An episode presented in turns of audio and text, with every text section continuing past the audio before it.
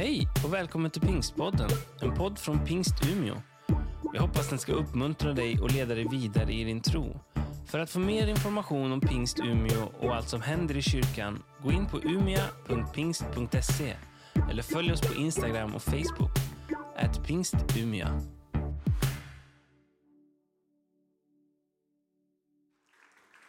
Ja, egentligen har du ju predikat och sagt det som ska sägas. Fantastiskt. Det här är vi med nu för andra året.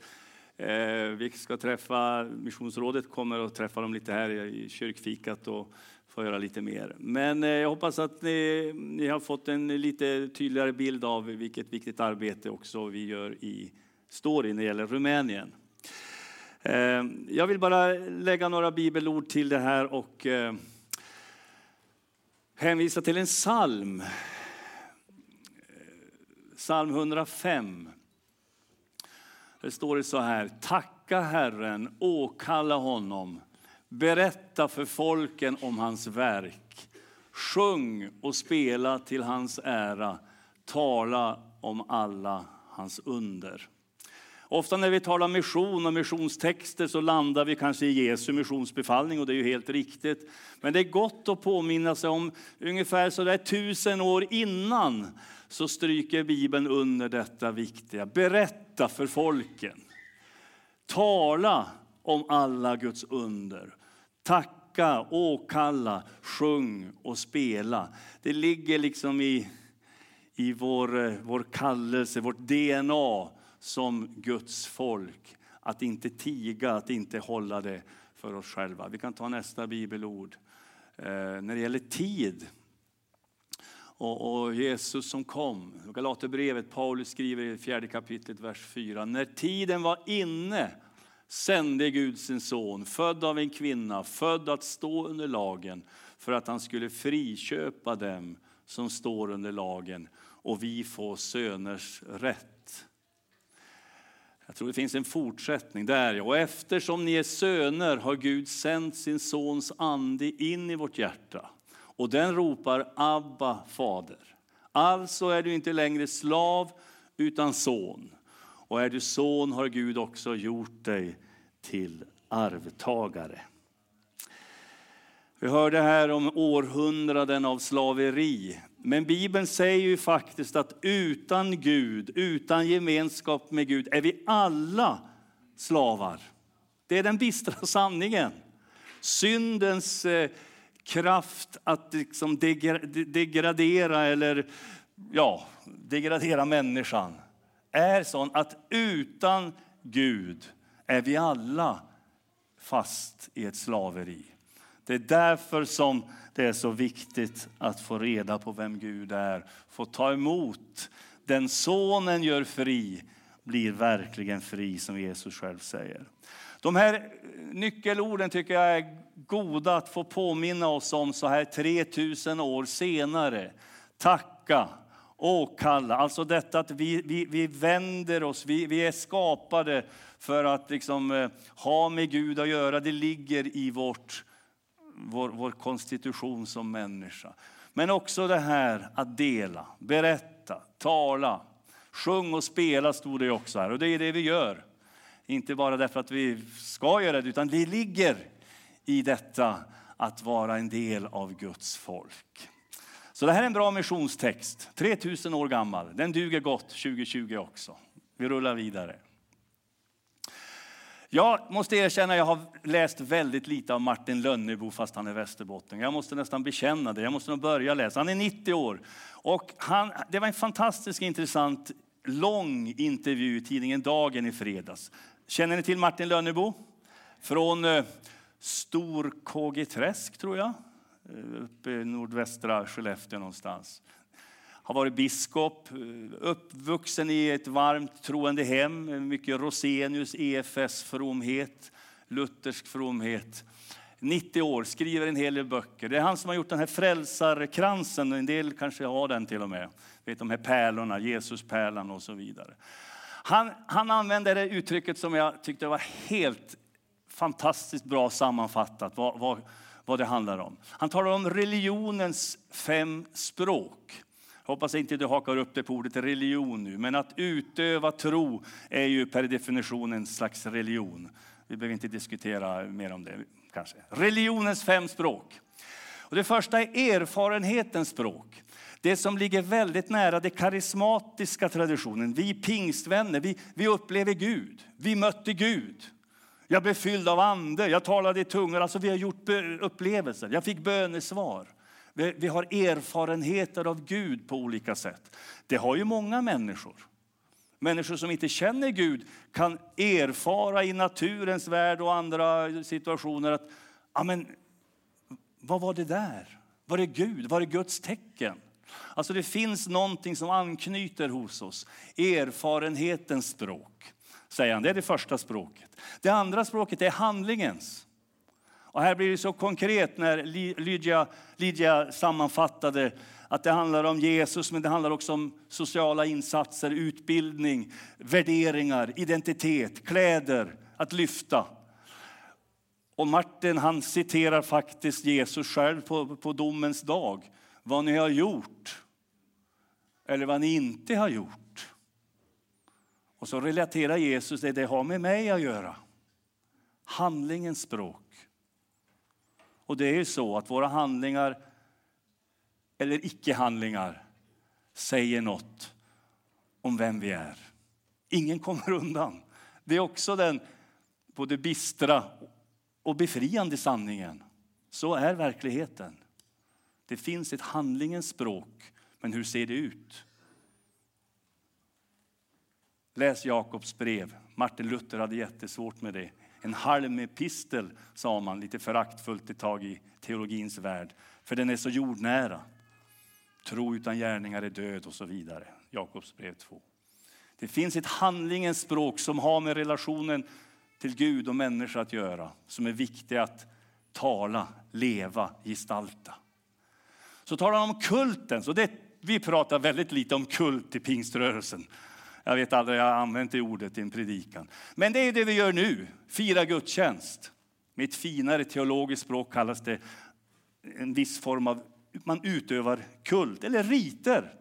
Vi sjunger, vi tar upp kollekt, vi tar upp en sedel. Ja, det gör vi väl inte nu, men vi swishar. Det är en kult, kulthandling. Inte okult, det är en kult, en rit. Vi tar en gitarr och sjunger en lovsång. Vi kanske knäpper händerna, höjer, ja ni vet. Vi firar nattvard. Alltså det som har med gudstjänstfirandet, att uttrycka vår tro, vår längtan, vår andliga dimension på något sätt. Och ni vet, det finns väldigt många sätt. Kultens språk. Och så talar han om lärans språk för det fjärde. Det här att vi tror ju inte på vad som helst, hur som helst. Och man kan faktiskt inte tro, ja det kan man väl. Men jag menar, det finns någon slags, ja staket låter ju väldigt futtigt att stänga in Gud i ett staket. Men det finns en lära. Man kan inte säga vad som helst om Jesus Kristus och ändå liksom hänvisa till Bibeln. Därför att eh, Bibeln säger någonting konkret om Jesus. Att han var Guds son. Att han föddes av Maria, att han dog på ett kors, att han lades i en grav, att han uppstod på tredje dagen. Man kan inte liksom säga att nej, men det, det, det där är bara ett påhitt, utan ja, ni förstår. Det finns en lära. Och Jesus är jättetydlig med lärjungarna att, att ni ska liksom undervisa, lära dem allt vad jag har befallt er. Det finns ett lärans språk som ju pastorer och teologer och ledare av olika slag försöker att leva och undervisa och uppmuntra att tillämpa. Och så säger han det femte språket. Det är om man talar alla dessa språk eller gestaltar dem till en, till en helhet. Precis det som Lydia nämnde om. Det handlar om utbildning, det handlar om Jesus, det handlar om sociala insatser. Och så gjorde hon så här, helheten, det holistiska med ett finare ord. Det femte språket. Talar du de här språken? Övar du de här språken? Behöver du gå i språkträning? Ja, kom på onsdag kväll, då har vi nästa steg. Det berättar vi om vad Pingstkyrkan är och varför vi tror som vi tror. om du vill liksom få lite mer kött på benen, om du vill fräscha upp. Du kanske behöver gå en alfakurs, trons ABC, för att få en större förståelse för vad kristen tro handlar om. Eller du kanske behöver gå i gudstjänst som du nu gör idag, lite regelbundet för att så att säga få lite kött på benen, substans, argument för din tro. Det finns en mångfald i det här språket som har med att vi tror på Jesus Kristus och att det handlar om att det här ska sändas, kommuniceras. Vi tar nästa. Bibeln använder ju ordet Herren och ibland står det med stor bokstav beroende på vilka, stora bokstäver beroende på vilka översättningar du har. Men det är ju helt enkelt ett uttryck för att vi, det är liksom ett Bibelns beskrivning av himmelens och jordens skapare. Gud, alltings upphov och den som håller ihop alltihopa. Och det oerhörda är ju budskapet att denne Gud blir människa fullt ut. Föds, jag citerade Paulus ord i Galaterbrevet, kliver in i historien. Gud som är av evighet och egentligen står över historien och tiden. Går in i tiden, går in i historien vid en bestämd tid, när tiden var inne. Blir en av oss, blir Guds, ja han blir inte, han är Guds son av evighet, men föds, blir människa. Det är därför också Jesus säger om sig själv i tredje person, människosonen har kommit. Han som är Guds son är också människosonen. Han är en av oss fullt ut. Det är därför Bibeln säger att han blir prövad och frestad och har gått igenom allt vad du och jag som människa kan gå igenom. Det är det vi kallar med ett fint ord för inkarnationen. Ordet blev kött. Gud blev människa. Jesus, Guds son, Gud som kommer och är mitt ibland oss. Vi går vidare. Jesus själv säger det vid ett antal tillfällen att precis som Fadern har sänt mig så sänder jag er. Jesus är väldigt noga och tydlig med att jag är sänd från himlen, jag är sänd av Fadern för att göra Faderns gärningar, fullborda dem. Men han säger också till lärjungar som inte riktigt har det här klart för sig, precis som att som Fadern har sänt mig så sänder jag er. Alltså det finns en identifikation eh, hos Jesus och som är viktig för oss liksom att ta in. Eh, vid ett tillfälle kommer Jesus som nyuppstånden. Han kommer till räddhågsna lärjungar som har reglat dörren för säkerhets skull. Det är ju väldigt kaotiskt, turbulent i Jerusalem runt påsk där. Och så säger han, eh, ta emot helig ande, som Fadern har sänt mig så sänder jag er. Och han talar om att jag ska gå upp till min fader och er fader. Identifikationen. Vi sänds också. Det är därför som detta med mission aldrig går att separera från vår bekännelse om Jesus som Guds son. Han uppstår, som är ett mirakel och en stötesten för världens visa fortfarande idag. Men det innebär också att han uppstår, betyder att uppdraget kvarstår. Jag sa till teamet som samlades innan gudstjänsten idag, vet ni hur många folkgrupper som finns i vår värld? Ni som var där, ni kan ju somna till en stund nu. Men ni övriga, hur många folkgrupper finns det i vår värld? Får jag en siffra? Vad tror ni? Vad vet ni? Finns det hundra folkgrupper? 2000? 6000? Läktaren? Första, andra, tredje? Hur många folkgrupper finns det i vår värld? Sju miljarder, miljarder människor. 17 100. 17 100 folkgrupper. Vet ni hur många av dessa som inte har hört evangeliet, alltså är onådda? De har inte eh, hört det på sitt eget språk. De har ingen bibel eller bibeldel på sitt eget språk. Det finns ingen så att säga, nationell församling som är, är deras. De kan ju finnas i ett land med många språk, men ni förstår den definitionen. Hur många folkgrupper är onådda? Får jag en siffra? 10 000. Vad säger ni? Är det så många som ännu inte har hört? 2 000. Du håller fast vid 2 000. Den rätta siffran är 7 100 ungefär. Det vill säga 41 procent av alla jordens folkgrupper är per definition ännu onådda. Tror ni att uppdraget kvarstår? Ja. Det betyder inte att 41 procent aldrig har hört, men att 41 procent av de folkgrupper som man har definierat inte är nådda på sitt språk. På sitt språk. Vi tar sista bilden tror jag. När jag gick i skolan då fanns det inte sådana där moderniteter. Då fanns det svarta och gröna tavlor och kritor. Ni vet, kommer ni ihåg ljudet? Hemskt ljud. Min fröken skrev, jag är ju så gammal så jag gick faktiskt lördag två år. Jag satt inte kvar utan man gick skola på lördag. Och vi blev folk av oss, de flesta ändå. I alla fall, då inför helgen kunde hon ha skrivit någon multiplikationstabell eller något något annat klokt på tavlan och så skrev hon Låt stå! Utropstecken. För att inte städerskan eller någon annan skulle sabotera på måndag. Låt stå. Är det någon som känner igen det här? Det där är bibliskt. Det, det är gudomligt. Det är det som Gud skriver över varje kyrka nu angående uppdraget. Låt stå. Alltså det, det, är inte, det är inte slut än. Det finns 7000 folkgrupper som inte är nådda. Så sudda inte ut det här och tro att liksom det ordnar sig. Ja, det kanske det gör, men uppdraget, vi är också sända ut till denna värld 2020.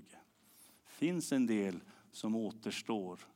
Det var därför vi vill lyfta våra underbara medarbetare som är i Arabiska halvön, Mellanöstern, Rumänien, Hamburg och var de nu finns. Tack och lov sa han inte och skrev han inte det här bara på Pingstkyrkan Umeå. Det skulle bli lite väl krampaktigt för oss. Det blir det ändå. Tala om alla hans verk, säger psalm 105. Jag tror 2020 så talar vi nästan lika mycket om vår verk med. Vi är utbrända, vi har svårt att få livspusslet att gå ihop. Vi har verk hit och verk dit. Och det har Gud stor förståelse för. Men uppdraget kvarstår. Nu är vi många, vi är många miljoner utöver vår värld som har den här kallelsen kvar. Den kvarstår.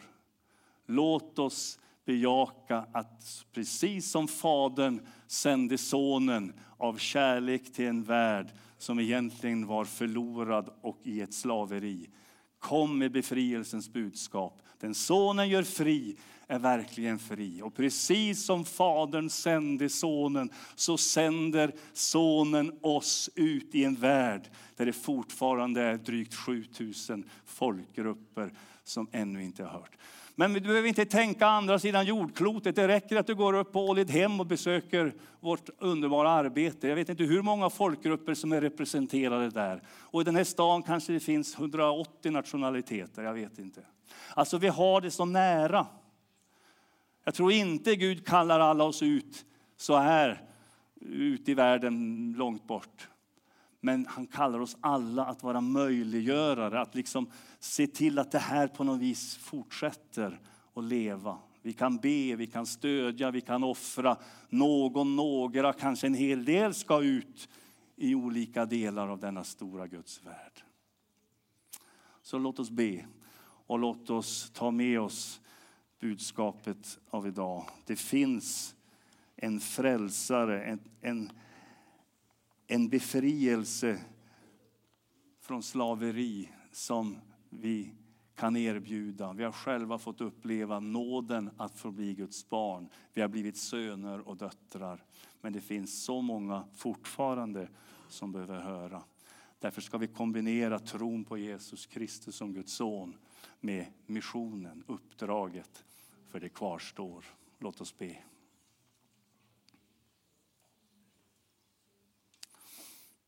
Herre, precis som du kallade Jesaja för så länge sedan. Vem ska jag sända? Vem vill vara vår budbärare? Så tror jag att du kallar oss som kyrka.